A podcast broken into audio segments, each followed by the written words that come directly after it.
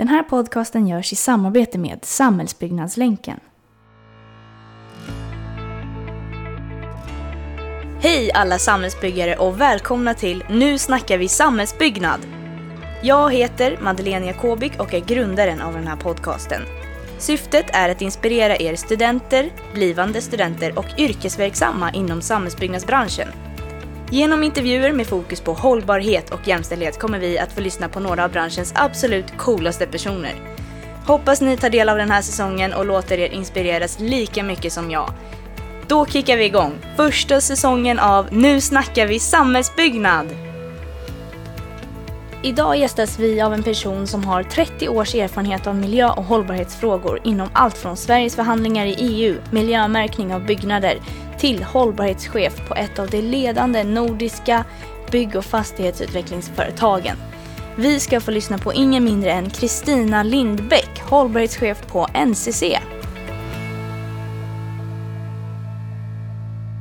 Då kör vi igång. Välkommen hit Kristina. Tack så jättemycket. Hur känns det att vara på KTH? Du, det känns alltid spännande att vara på KTH eftersom ja. det inte är här där jag har pluggat. Nej, precis. Så jag tycker alltid att jag har alltid imponerats av de här byggnaderna och tycker att de är ganska häftiga och, och väldigt sådär anrika eller vad jag ska säga. Ja, jag var ju här på Skutt när jag pluggade själv. Ja, vad är skutt för någonting? Ja, det kanske inte heter så längre. Nej, men jag... det, är typ, det var typ så här disco. Jaha. Tillsammans med alla ni som, eller de som pluggade här. Ja, okej. Okay. Som det var så här man kombinerade. Exakt. Okay. Man kombinerade, även SU-studenter mm. fick komma dit och men du jobbar ju på NCC. Kan du ja. berätta om NCC i stort och vad ni gör för någonting? Mm. Vi är ju ett jättestort bygg och anläggningsföretag som också har kommersiell fastighetsutveckling. Vi är en av Nordens största byggföretag. Eh, vi jobbar i Norge, Sverige, Danmark och Finland. Mm. Och eh, ja, vi har kan man säga fyra affärsområden. Vi har ett industriellt där vi har, äger täkter och bryter sten och jobbar med asfaltstillverkning och utläggning av asfalt. Sen har vi ett infrastrukturben med civil engineering-jobb som handlar om broar och tunnlar och den typen av verksamhet. Och sen har vi två, kan man säga, byggande enheter. Ja, det gör ju att vi blir fem då, men en building, alltså den byggande verksamheten som jobbar med hus, alla typer av hus, bostäder, kommersiella byggnader, hotell, simhallar, äldreboenden och så vidare. Och de har vi uppdelade, så Sverige är så pass stort, så de är liksom som ett eget affärsområde mm. där. Eh, och sen har vi något som vi kallar för Building Nordics, mm. som då är Norge, Finland och Danmark. Mm. Och sen har vi det femte affärsområdet som heter Property Development, ja. där vi jobbar med kommersiell fastighetsutveckling. Sen bygger ju då våra byggande enheter åt Property Development. Ja, precis. Okej. Mm. Ja, och var kommer du in i allt det här?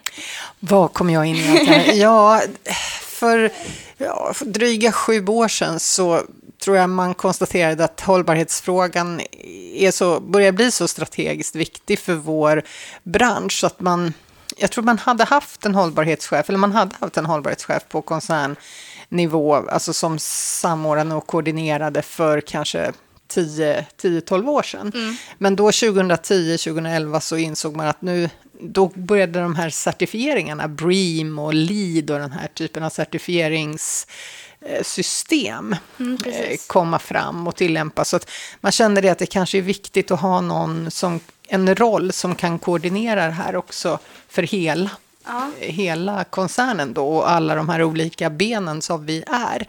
Och då hade jag förmånen och lyckan att få den rollen. Ja, jäklar. Fanns det någon sån roll innan du eh, inte just då fanns den.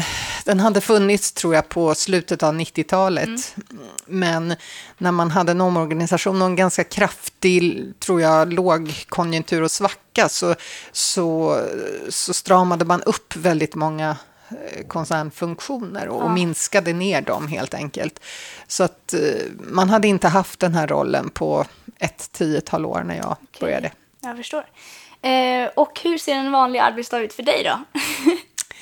ja, eh, jag, i den här rollen, det är ju mer en strategisk roll. Jag har ju ofta väldigt många möten med olika funktioner eh, hos oss. Eh, så att det kan börja med att jag har en avstämning med mitt eget team. De som då, vi är ett team som, som jobbar tillsammans strategiskt. Och därefter så kan jag kanske skriva på något strategidokument som vår chef vill ha. Någon timme eller så. Ja. Sen kan jag ha avstämningsmöte med inköp. Det kan ju Mm. vara en väldigt viktig funktion att samverka med just för att vi ska se hur vi utvärderar våra leverantörskedjor till exempel. Sen kan jag träffa några projektpersoner som jobbar väldigt intensivt nu med hur vi ska minska våra utsläpp när det gäller användningen av material. Vi har en betongstrategi till exempel där vi tittar på hur kan man optimera betonganvändningen. Just Kan jag åka ut och göra ett projektbesök för att de vill diskutera hur det här ska tillämpas då i praktiken. Jag försöker när jag är framförallt på andra orter att passa på att besöka våra arbetsplatser. För det är ju viktigt, Ja. även om jag... Det kan ju vara både en för och nackdel att jag inte är ingenjör. Eh, men jag försöker att, jag har ju väldigt, väldigt många ingenjörer runt Ja, mig, så jag känner att jag är väldigt, jag är väldigt väl försedd. Men Ja. jag tycker också det är väldigt viktigt att få den här projektkontakten. Så särskilt när jag är på andra orter så försöker jag också åka och besöka våra projekt och diskutera med platschefen Mm. och andra roller och så vidare. Hur, hur de upplever ja, särskilt hållbarhetsfrågan och hur de tillämpar olika rutiner som vi har och vad som är lätt och vad som är svårt så att jag kan få den uppfattningen eh, när jag ska jobba sen då med mer strategiska frågor. Ja. Och du nämnde att du inte är ingenjör. Ska vi ta Nej. det från början? Vad, vad har du pluggat? Jag har faktiskt pluggat juridik Ja. från början. Och när jag började med det så trodde jag nog att jag skulle bli domare ett bra tag. Sen trodde jag att jag skulle bli advokat ett bra tag också. Och Det är sen- rimligt att tro det Ja, kanske. jo, det är ju ganska naturligt. Jag trodde inte att jag skulle bli ingenjör faktiskt. Nej. Men jag var väldigt samhällsintresserad, men jag var också väldigt miljöintresserad Mm. faktiskt vä- från början. Och jag pluggade under 80-talet, 80-talets mitt och slut. Och, då var faktiskt inte miljörätten så väl utvecklad. Nej. Sverige var ju inte heller, alltså EU för Sverige låg ju ganska långt borta Mm. på den tiden. Så att det var framförallt globala konventioner av ja, beslutade av FN som vi kunde studera. Ja. Och miljöbalken fanns ju inte, utan det fanns ju väldigt många olika lagstiftningar som Mm. reglerar olika miljöförhållanden. Och det handlade ju väldigt mycket om att minimera utsläpp och Mm. så vidare. Så att ehm, när jag var färdig då så funderade jag på om jag skulle sitta ting eller ej, alltså göra tingstjänstgöring. Men Mm. då kände jag att jag tror inte att jag ville jobba så väldigt mycket med traditionell Nej. juridik, utan ehm, jag var mer intresserad, jag hade en sån dröm om att kanske någon gång i mitt liv få, få representera Sverige i någon form i FN till exempel och sådär. Så att jag sökte väldigt olika jobb och det är ju ofta så när man är ung och, och nyutexaminerad att har man ingen erfarenhet så brukar de säga att ja men gud det här ser ju jättebra ut, du verkar ju jättebra men kom igen när du har haft några års Ja. arbetslivserfarenhet så, och det hände ju mig också. Men så fanns det ett vikariat på miljödepartementet faktiskt som jag sökte på den internationella enheten. Men de svarar ju samma sak, att vi hade nog tänkt oss en lite mer kvalificerad person än du som inte har jobbat alls med de här frågorna. Men vi brukar anställa sommarvikarier, sa Ja. de till mig. Och då tänkte jag, men gud så bra, jag, jag ligger på här. Så jag låg på och så blev jag faktiskt anställd som Jäklar. sommarvikarie Ja. Då. Och så skrev jag en rapport på engelska som var avsedd för ett möte inom OECD som gällde ekonomiska styrmedel. Eh, och det tyckte de att jag lyckades med ganska bra och så fick jag vara kvar och så fick jag vara kvar och så fick jag vara kör och så till slut så hade jag fast anställning på miljödepartementet då. och så tror jag, tänker här 1990 tre kan det ha varit, så gick min dröm i uppfyllelse att jag faktiskt med en FN-konvention fick föra Sveriges talan och då höll jag på att svimma av. Då satt vi i någon jättestor lokal och det var ju alla FNs medlemsstater ja. där och så hade jag fått vad jag skulle säga och så tryckte jag på den här mikrofonen man ska göra och sen blev det bara helt svart. Jag sa ju någonting men jag kan inte svara på vad jag sa. Och det var... Finns det någon dokumentation för vad du sa? Nej, jag tror, men mina kollegor såg i alla fall inte ut som de, de stängde inte av micken.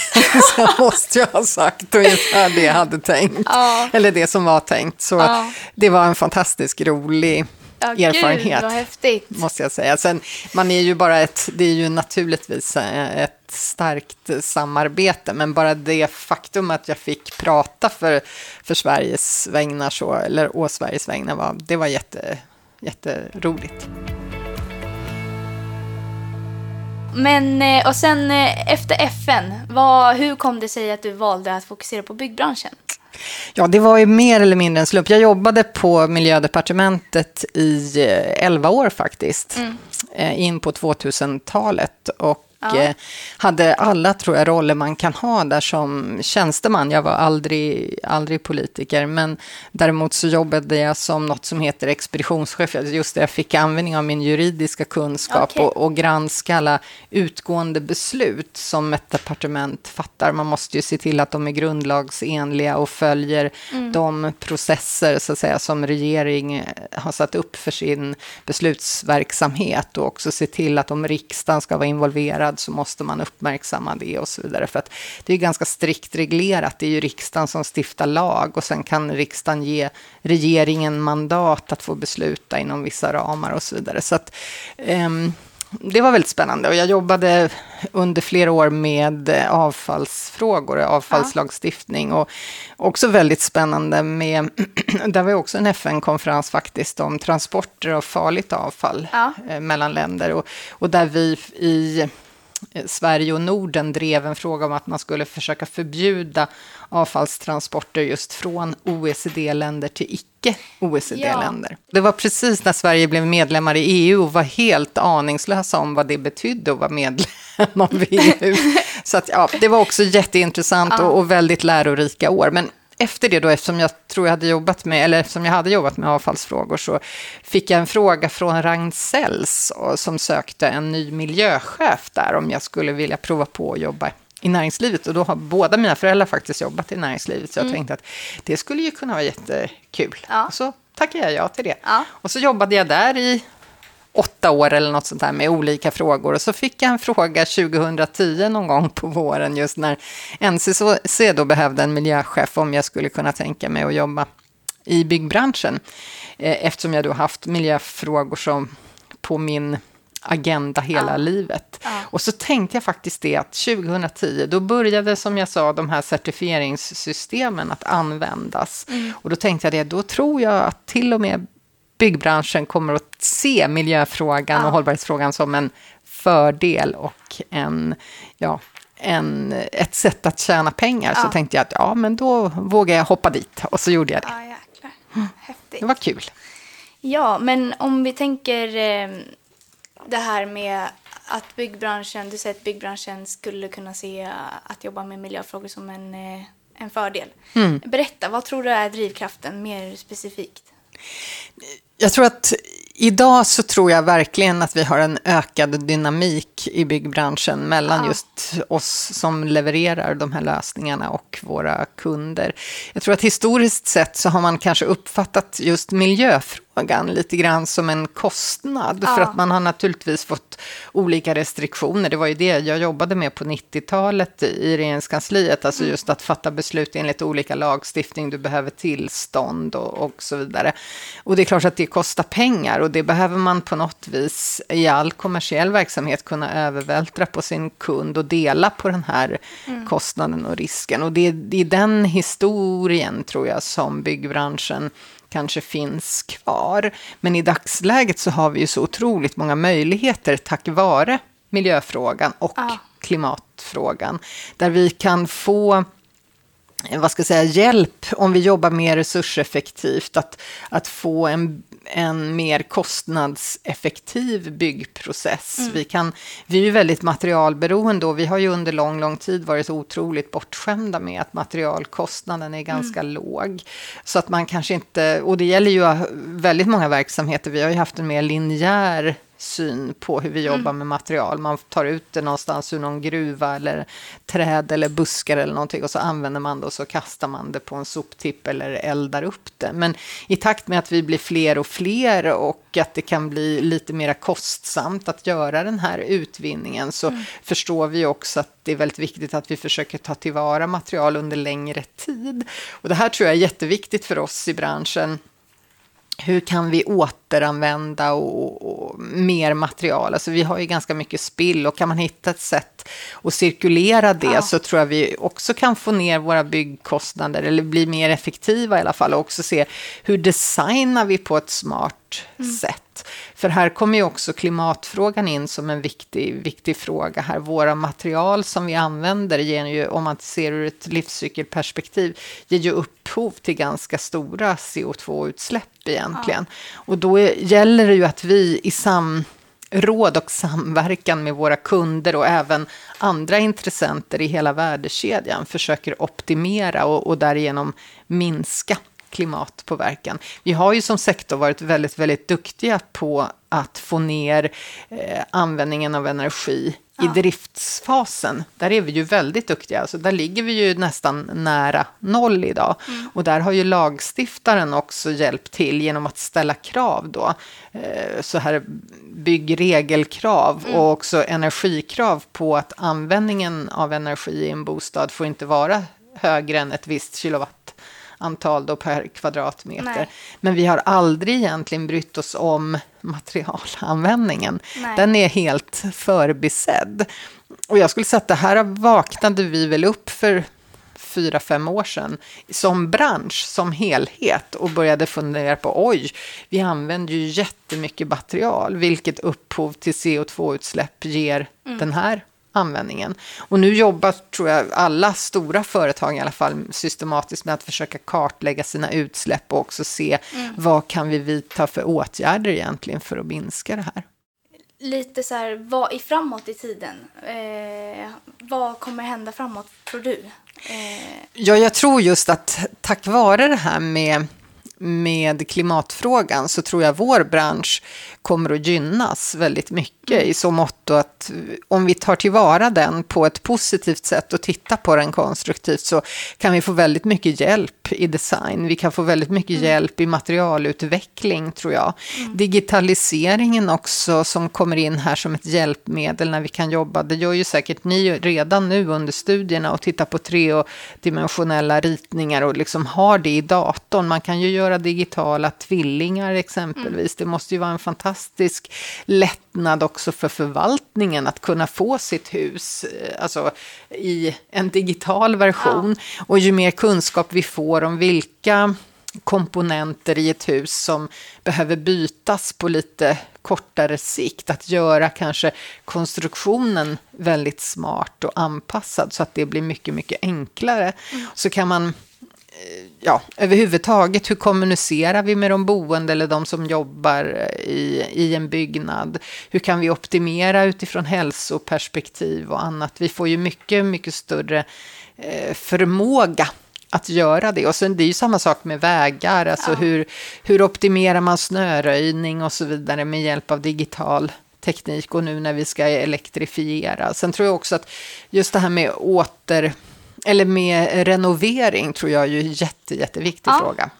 Den, alltså både när det gäller vad vi har under mark, nu när vi ser att vi får mycket häftigare regn och så vidare, så är ju inte våra avloppssystem faktiskt designade för det här. Nej. Så här finns det ju en stor möjlighet för vår bransch att mm. faktiskt renovera på smarta sätt. Och vi, på NCC har vi ju ett smart sätt som vi kallar för no dig, att vi kan ledningsrenovera utan att gräva upp, vilket då okay. innebär att vi slipper stoppa trafiken och sådär ja. som man ju blir jätteirriterad på som cyklist eller ja. bilist. Men vi har en typ av relining som är, är är väldigt bra och analyserad att vara väldigt bra ur alla perspektiv som vi ja. kan stoppa ner som en strumpa i, i rören. Mm. Och vi kan också dimensionera de här rören mer än vad de är idag. För att vi behöver ju kunna sluka större regnmängder. Precis. Men sen gäller det ju också naturligtvis, och vi kommer ju aldrig att bygga i kapp det befintliga beståndet. Nej. Det kommer förmodligen alltid vara större än, ja. i vart fall under både din och min livstid tror jag.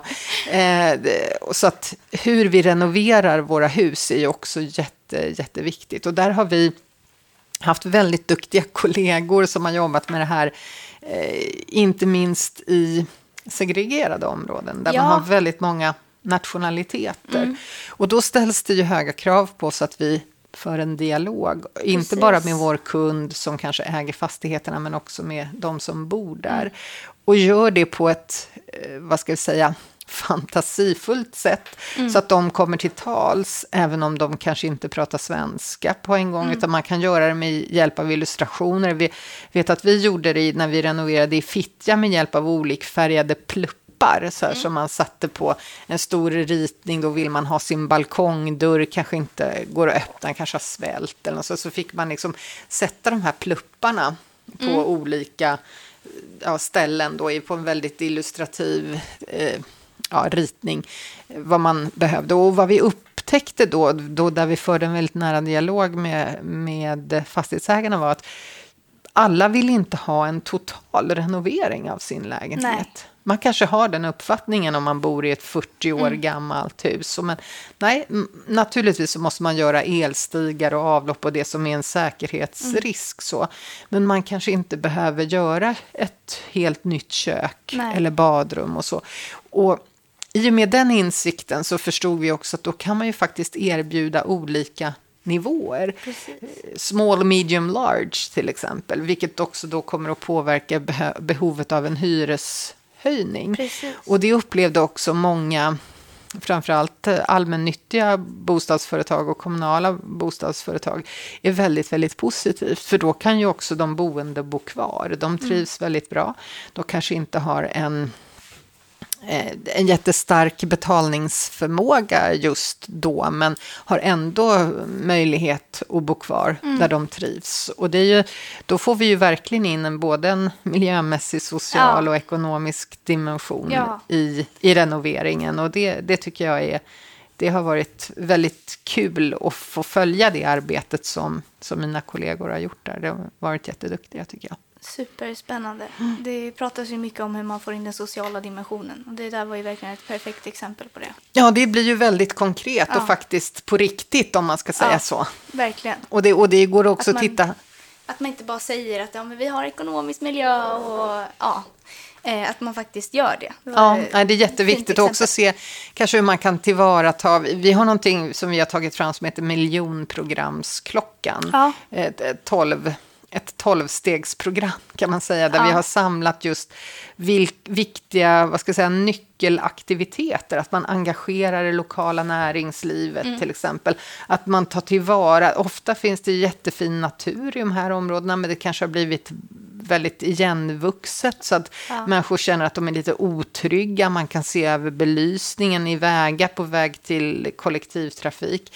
Att man aktiverar bottenvåningarna har vi sett. Man kan få in små entreprenörer till exempel. Man kan få kaféer eller skräddare mm. eller skomakare eller något sånt där. Så man också eh, tar bort de här döda ytorna där det är mm. lätt att kanske det uppstår kriminalitet eller en annan typ mm. av aktivitet som då inte är så välkommet i bostadsområdet. Och, och det här är ju en, ett jätteviktigt sätt att vi arbetar på. Det tror jag också är en, en ny, vad ska jag säga, en, ett nytt en ny tid för vad vi behöver kunna som, som byggare och som som personer i byggföretag. Att vi behöver, just det här med inkludering, jag tänker på FNs 17 mål här, ja. om, om ni tittar på dem också. Ja. De är ju jätteviktiga för oss att förstå, för att någonstans om man läser delmålen där och indikatorerna så får man ju förståelse för hur ser vi på att en hållbar värld behöver se ut. Och mm. bland annat att få in en medborgardialog och få människor att känna sig inkluderade när deras vardag förändras. Det är ju en jätteviktig fråga för att öka förståelsen för den här förändringen. Och det tror jag, där tror jag att vi vi kan bli ännu duktigare. Vi, jag tycker vi har blivit mycket duktigare om, under de här sju och ett halvt åren, tror jag, som jag har jobbat, eller åtta åren blir det kanske till och med, som jag har jobbat i NCC. Men det är ju inte, vi är ju väldigt duktiga på att bygga mm. och, och, har otroligt hög kompetens. Men vi behöver komplettera den kompetensen med att också kunna föra just viktiga samtal med våra kunder och inte minst lyssna på deras behov. Ja. Så att vi kan rådge och sen ge dem en så god produkt som, som de behöver med vår expert, vårt expertkunnande. För att vi, om man ska bygga en simhall till exempel ja. som kommun, så gör man ju inte det så ofta. Vi har ju byggt ganska många simhallar över tid, så mm. då måste vi också kunna rådge, men rådge på ett sånt sätt så att kunden förstår. Det är viktigt också. Mm. Det är spännande att du säger det där med FNs 17 globala mål. Mm. Eh, och eh, jag läste på NCCs hemsida, alltså väldigt bra konkret, vad gör vi för det här målet och så. Men vad tror du att vi behöver göra, vad behöver hända i stort för att vi ska kunna uppnå det här eh, målet med eh, högst två graders medeltemperaturökning i världen? Mm. Det är roligt, jag har suttit med i en grupp inom Ingenjörsvetenskapsakademin. Vi släppte just en rapport igår. Okej, ja, får läsa om det här. Ja, du får läsa den. ja. Nej, men jag tror att vi måste ha tillit till de politiska systemen. Mm. Vi måste få modiga politiker som vågar stå för sina beslut. Ja. Och beslut som kanske sätter ramarna för hur vi ska föra den här förändringen. Sen ligger det ett stort ansvar på oss företag också. Ehm, och, och vi behöver ta ta viktiga steg också i det här, men vi behöver ju göra det på kommersiella grunder. Men jag tror att den här dynamiken just med eh, samspelet mellan kunder och mellan mellan oss som ska leverera det här är jätte, jätteviktigt. Och då tror jag just att samverkan är viktigt och att vi får klart för oss en, en gemensam målbild så att vi prioriterar rätt. Ja. För det är väldigt viktigt att prioritera i det här. Och tittar man på, på samhällets styrfunktioner så är det väl viktigt att myndigheterna får sådana instruktioner så att också de börjar styra både i sitt kravställande men också i sin tillsyn så att vi alla går i samma riktning. Sen tror jag också att vi ska känna tillit till vi har gjort stora förändringar i, i det svenska samhället flera gånger. Jag tror vi är det land som under kortast tid lyckades skapa kärnkraft efter oljekrisen. Alltså från 70-talet till 80-talet så byggde vi ut vår kärnkraft med väldigt tydlig... Mm. Sen får man ha åsikt om man tycker kärnkraft är bra eller dåligt, men liksom bara det att vi kunde kraftsamla efter oljekrisen mm. och få en alternativ energikälla. Vi har kraftsamlat efter finanskrisen 2008 också tror jag med arbetsmarknadspolitik och så vidare. Så att vi har gjort stora omställningar tidigare och det tror jag vi ska vila i som som att ha förtroende för att vi har den förmågan. Sen kan vi se att jag tror att komplexiteten kring utmaningarna ökar idag. För jag menar den sociala eh, dimensionen är jätte, jätteviktig. Nu har vi ökad gängkriminalitet. Vi ser att det finns disharmoni i våra samhällen och den ja. måste vi också komma till rätta med. Och då tror jag också just det här att bli sedd, att, att få vara med och påverka. Jag tror att det är väldigt viktiga frågor, mm. att vi kan ta tillvara dem. Och det handlar ju också om i våra företag, hur kan vi jobba? Jag tror att vi kommer att jobba annorlunda. Alltså när du är färdig och, och ja. när du inte blir så gammal som jag, men när du är i 40-årsåldern, ja. så tror jag säkert att vi... Jag tror ju att vi kommer att jobba mycket mer team orienterat. Mm. Där vi liksom jobbar i kompetensteam, där vi ska lösa och utföra de uppgifter vi är satta och, att göra. Jag tror att den här hierarkin som vi kanske hade när mina föräldrar var unga och man liksom hade någon jättetydlig chef som nästan sa Ja, Madde, nu ska du göra så här och så står jag och tittar på dig medan du gör ja. det här. Sådana jobb fanns det ju på ja. liksom 1930-talet kanske, men jag tänker 2030 så kanske man inte ens alltså, tycker att det är så himla viktigt med vem som är högsta chefen, utan man har mer en ett team. Det är ja. klart att någon ska ju ha ett arbetsgivaransvar. Man ska kunna, mm. ja, man vill naturligtvis vara målstyrd och ställa krav på prestation. Men man kanske inte behöver vara så hierarkiskt orienterad att det är liksom någon Nej. trappa eller vad man ska säga. Där sitter vi och, och pekar på den här högsta chefen. Och den vågar man knappt prata med. Men det har vi ju redan kommit ifrån. Och jag tror att det är väldigt viktigt att man kan samverka över kompetensgränser. För det jag har jobbat med hållbarhetsfrågor så länge nu och jag ser att hållbarhetsfrågan som du själv har kommenterat, den är ju ganska komplex och ganska ja. abstrakt. Och jag tror att när man jobbar med Förr i tiden så hade vi mer komplicerade frågor, alltså de var väldigt komplicerade. Då kan man ta en expert som kan verkligen borra ner mm. den här komplicerade frågan. När man jobbar med komplexa frågor så tror jag man behöver flera experter som kan hjälpa till att mm. lösa det mer komplexa. Och det räcker inte bara kanske med en disciplin, man kanske behöver jobba med flera.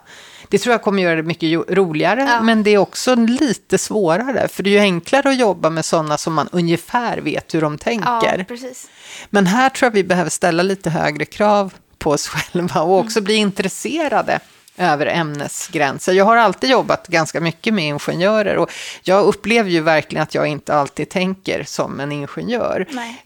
Men jag känner att när, jag, när vi anstränger oss från båda parter så får vi ju en, en fantastisk bra kombination. Vi kan ju samstärka mm. varandra och det tror jag är jätte, jätteviktigt för mm. framtiden. Ja, vi kommer komma in lite mer på det sen, men det här med dynamik. Alltså precis som att det blir en bättre dynamik om man är eh, både män och kvinnor. Så Exakt. måste det ju, det är väl på precis samma sätt om man har olika kompetenser och olika bakgrund, att det blir en dynamik av den anledningen. Det tror jag. Men det ställer lite högre krav ja. på oss, för att det är ju enklare. Alltså jag tror att uppstarten är längre när man har väldigt många olika bakgrunder. Mm. Men jag tror att att förlängningen är ännu bättre. Mm. Faktiskt. För det är lite enklare om man känner att man nästan har en sån telepatisk förståelse än om man behöver alltså, gnugga varandra lite för att ja. känna att man förstår. Det ställer ju ja. lite högre krav på båda mm. oss egentligen för att förstå varandra. Men jag tror att när man kommer över den tröskeln så tror jag att man kan få en mycket, mycket större utväxling, mm. positiv, om man, om man vågar ta det här steget att att testa lite olika. Men vi fortsätter på eh, det spåret. Eh, hur har det varit att arbeta som kvinna i en mansdominerande bransch? Om du anser att det är, är så. Ja, jag, jag har väl bara jobbat i mansdominerande ja. branscher. Undantaget regeringskansliet var väl eh, inte mansdominerad skulle jag säga. Det var, det var ganska blandat. Men när jag kom ut i, i återvinningsbranschen så var jag enda kvinna i den koncernledningen som hade, vi hade också en, en sekreterare, hon var också kvinna. Men ja, jag vet inte vad jag ska säga. Alltså det, det kan i vissa fall vara lite utmanande ja. i så mått att man får liksom ingen instruktion kring, man har ju ofta sportmetaforer. Vad ja. spelar de för sport här inne i det här rummet? Det är ingen som har sagt det till mig. Nej. Man tittar på mig som jag var en liten söt eh, sån här underhållningsvärde här som kunde lite expertfrågor om ja. miljö och så vidare. Så jag kände kanske inte omedelbart att jag var en i gänget sådär. Och det kanske kan vara, det kanske inte en man gör heller som kommer till en grupp med bara tjejer, alltså så. Nej. Eh, så att jag tror ju att, ehm, jag kan inte säga att jag direkt har känt mig diskriminerad, det tycker jag inte. Men Nej. jag har inte heller känt mig inkluderad. Och det här är ju liksom det är ju en gradering i den här ja. skalan. Jag kan känna att det har varit utmanande några gånger och att jag kände att jag, framförallt på NCC har jag känt några gånger att jag är väldigt tacksam att jag inte bara var 35 utan 45 ja. och så. Eh, och hade, hade längre erfarenhet. Och det är klart att det tycker jag inte egentligen att någon ska behöva känna. Man ska, jag har inte heller känt... Det är ju svårt, just när man också har den här rollen som hållbarhetschefsrollen är, eller miljöchefsrollen är, så innebär ju det att man också... Man vill att företaget ska utvecklas. Det innebär att man vill att företaget i någon mening ska förändras, förändra sina processer, förändra sina rutiner. Och att driva den förändringen i sig mm. är ju till del obekvämt. Ja. Så att jag är inte säker på att de utmaningar jag har haft hade varit annorlunda om jag hade varit kille, det är jag inte säker på. Men jag kan känna att när det är väldigt många män och man är tjej så är det ju inte samma inkludering ännu Nej. så länge, skulle jag säga. Det, det kan finnas nu sitter, har jag ju suttit på högsta koncernnivå, så alla ja. är ju i 50-årsåldern kanske, eller väldigt ja. många så, så att man har ju långa karriärer också. Men det finns fortfarande en viss tröskel till den här naturliga inkluderingen, mm. kan jag känna och hör också på mina väninnor med liknande erfarenheter att, att man kan uppleva det. Mm. Jag tycker det har varit väldigt intressant att följa, jag vet inte om du har läst och lyssnat på Caroline Falberger, en kvinna, hon är vd på ICA Försäkring. Är det sommarprat? Ja, ja och sen har, har läst jag om henne i, det, i Weekend. Mm. Eh, hon har ju då könskorrigerats mm eh, nu när hon är i 50-årsåldern. Och hon har börjat som man och, och nu mm. mera lever hon som kvinna. Och den erfarenhet som hon har i... Hon är ju en fantastiskt intressant person ja. på det sättet att det är ju väldigt få förunnat att uppleva hur det är att vara en manlig enhetlig värld och sen komma till en kvinnlig enhetlig ja, värld. Och jag tycker att hennes erfarenheter är väldigt värda att lyssna på och också att lära av. Ja. Och jag tror att det är väldigt viktigt för oss både som män och som kvinnor i vårt ledarskap att fundera mycket mer på...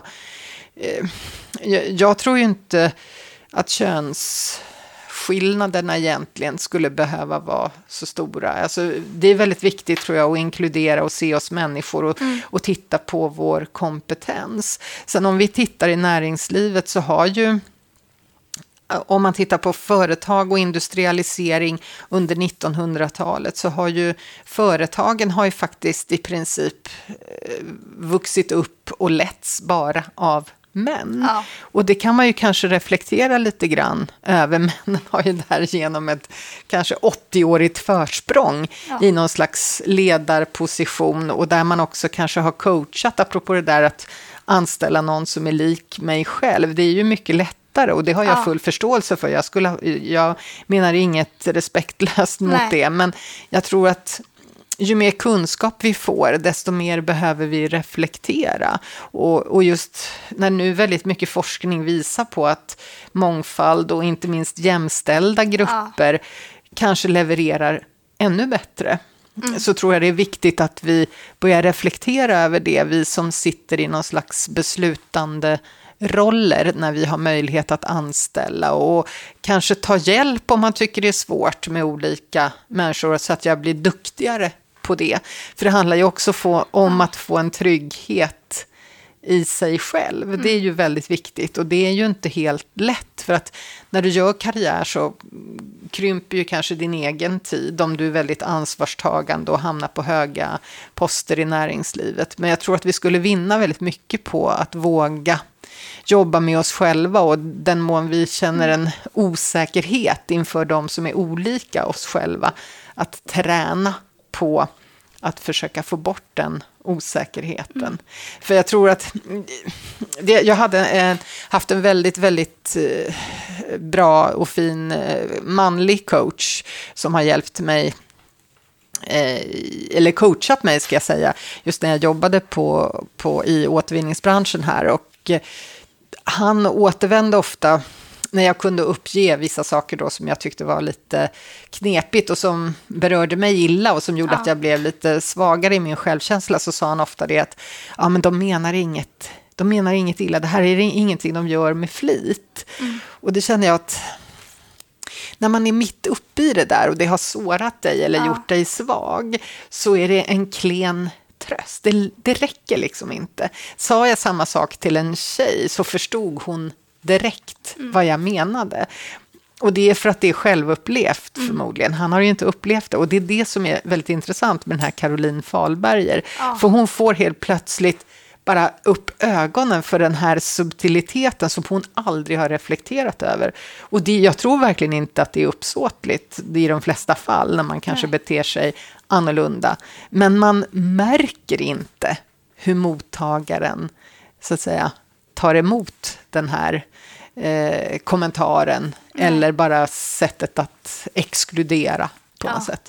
Och där tror jag vi behöver bli jättemycket duktigare. För det är ju självklart nu, jag tror inte någon människa tror att en tjej är sämre än en kille på att vara chef. Nej. Eller att det inte är där det handlar, hänger, det är andra kompetensfrågor. Mm. Men det är klart att vi tjejer då, om vi tittar historiskt sett, vi, vi har ju inte haft de här positionerna lika länge och lika många gånger som Nej. en man. Så det är ju också så att spelreglerna i många företag är ju satta av ja, män. Precis. Och det är klart att då, om man inte då blir instruerad som kvinna att så här jobbar vi här, mm. då är det ju klart att du har ett litet handikapp, så är det ju allt. Du kan ju vara hur kompetent du vill, men får du inte en, vad ska jag säga, en kod till hur kulturen fungerar, mm. så får du ju ett litet underläge.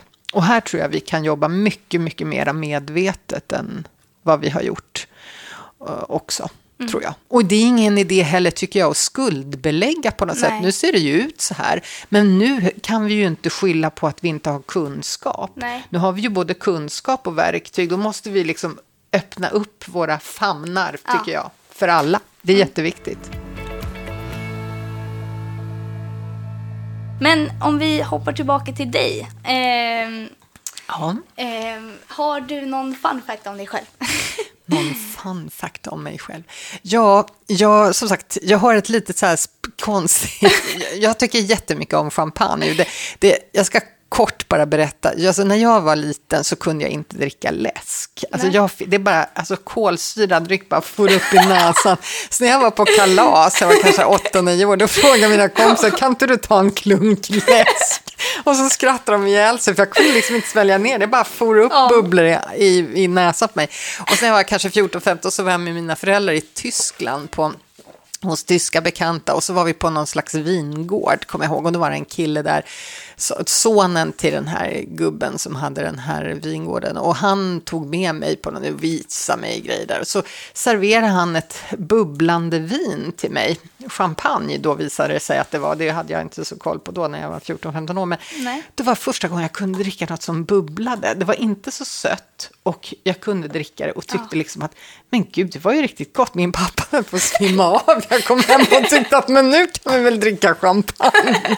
Men så fick jag ett, ett stort intresse för det och så ah. har jag, ah. jag har, så, jag har ätit många så här femkronors nudlar och provat champagne. Jag pluggade för jag tänkte jag får pro, pri, prioritera och, och, prova drycken och så får jag äta lite billigare. Så.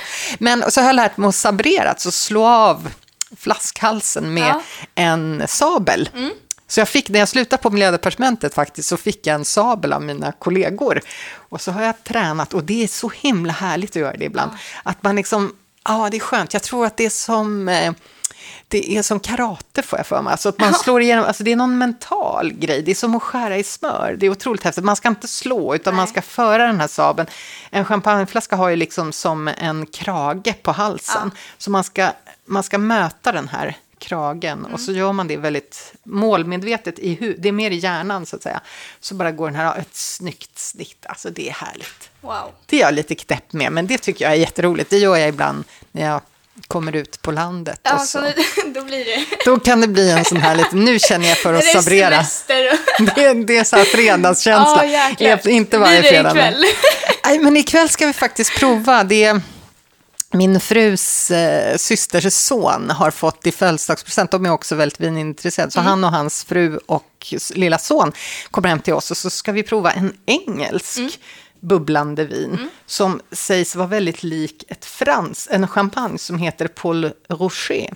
Okay. Eh, så att de ska prova, så ska vi se om de kan känna skillnaden här. Så det ska bli lite blindprovning. Gud vad spännande. Ja, så det ska bli roligt. De är jättenyfikna har jag märkt. Jag har fått jätteroliga roligt. sms här ja. med allt möjligt kul på. Så det ser vi fram emot. Men vi sabrerar inte inne i lägenheten, Nej, det blir lite jobbigt. Ja, får ja. vänta med det. Ja. Men om vi går tillbaka till din studietid då. Ja. Hur var du som student? Alltså jag pluggar ju på SU då mm. och så är jag ju från Stockholm. Så att jag var ju inte så här jätteengagerad i studentlivet. För det, och det kan jag ångra faktiskt. Ibland ångrar jag att jag inte åkte till Uppsala eller Lund och, och mm. alltså, bröt upp lite grann från mina rötter. Men jag hade precis varit i USA efter mm. gymnasiet mm. och så började jag plugga efter det här året då, i USA. Och jag längtade så vansinnigt hem till mina kompisar där efter USA. Så att när, mina föräldrar skötte ju då ansökan till olika Nej. universitet medan jag var där och pluggade. Eh, och så kom jag in på SU och så tänkte jag, men gud, jag längtar ju så mycket till mina tjejkompisar här hemma då. Så att, och nu, inte nu längre, men efteråt här så kände jag att det kanske hade varit himla roligt alltså, att plugga i Uppsala eller i Lund och så och få vara en del av studentlivet. För nu hade jag ju liten del, jag gick ju här på skutt och så vidare, mm. men så, så hade jag ju mycket med, vi är ganska tajt tjejgäng som fortfarande är kompisar, så som hade gått i skola sedan var sju år. Vi gjorde lite olika grejer, men det gjorde att vi var ganska tajta fortfarande mm. och var var mer ute på vanliga nöjesgrejer. Så. Jag var inte superäventyrlig, det blev jag först när jag blev lite ja. äldre. Ja, men spännande. Mm. Jag tycker det är skönt att eh, det är bara skönt att få höra eh, olika stories. För att det är lätt att man får en bild av hur det ska vara när man mm. pluggar och mm. ja, att det ska vara si och så och mm. fester hela tiden. Och, ja. Mm. Eh, men eh, spännande. Kan du ge, som avslutningsfråga då, kan du ge tre tips på hur man som student kan få en rolig och givande karriär? Hur man som student... Alltså jag tror att det är... Alltså, det är alltid bra att vara ambitiös. Jag, tror, jag har aldrig varit någon plugghäst sådär, men jag, jag har haft ganska lätt för mig att lära då samhällsvetenskapliga ämnen och matte mm. och sådär var jag mer än normal på, eller vad säger jag, jag var normal på alla grejer. Men alltså matte tyckte jag var svårt. Mm.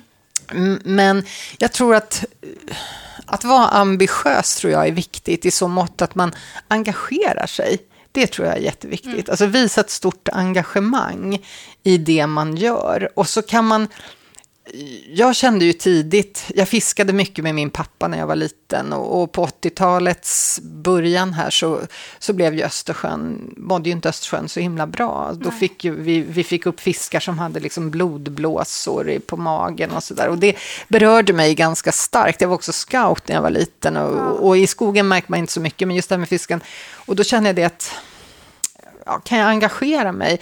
Alltså jag har ju haft en enorm förmån i hela mitt liv att få, få jobba med frågor som jag själv har känt har varit otroligt viktiga. Och det handlar ju inte om att man ska rädda världen. Jag tror också som du som ingenjör, om du ska jobba med byggande, det är otroligt viktigt att bygga någonting bra för människor och hitta konstruktioner som är bra och bara göra det på ett väldigt bra sätt.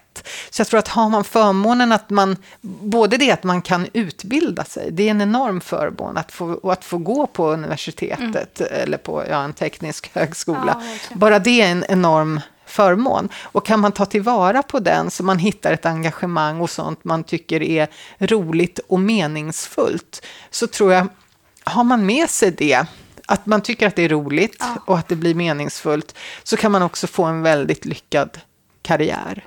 Mm.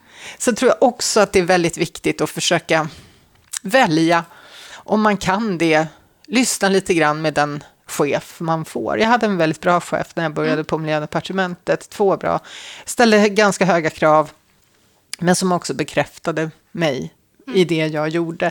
Så att jag fick, för att det är svårt i yrkesrollen när man börjar faktiskt och veta exakt vad som förväntas. Ja. För det är ganska stor skillnad på att plugga till tentor och sen förstå, räcker den här kunskapen nu när jag ska börja jobba? Och jag tror att det kan vara ganska bra om man med sin första chef faktiskt ber att få en slags vägledning här så att du kan få bekräftelse på att din kunskap kommer att räcka alldeles utmärkt. Mm. Det gör den ju för de allra flesta. Men det är ju ganska svårt. Du har ju ingen referens. Du vet ju inte själv om det räcker eller ej. För vad, det, vad du har gjort är ju att du har pluggat. Du kan ju få en bekräftelse att du har klarat dina tentor och därigenom förstått. Mm. Det är ju en bra bekräftelse. Ja. Men jag har upplevt på många medarbetare jag haft eh, över årens lopp och de som är väldigt unga, att de famlar lite grann i just det här, duger mitt arbete? Ja. Är det okej okay för det vi är satta att göra? Och jag tror att kan man få bekräftelse tidigt i sin karriär ja. på det här och få någon slags ja, guide, guidens idé så tror jag det går liksom jätte, jättebra, tror jag.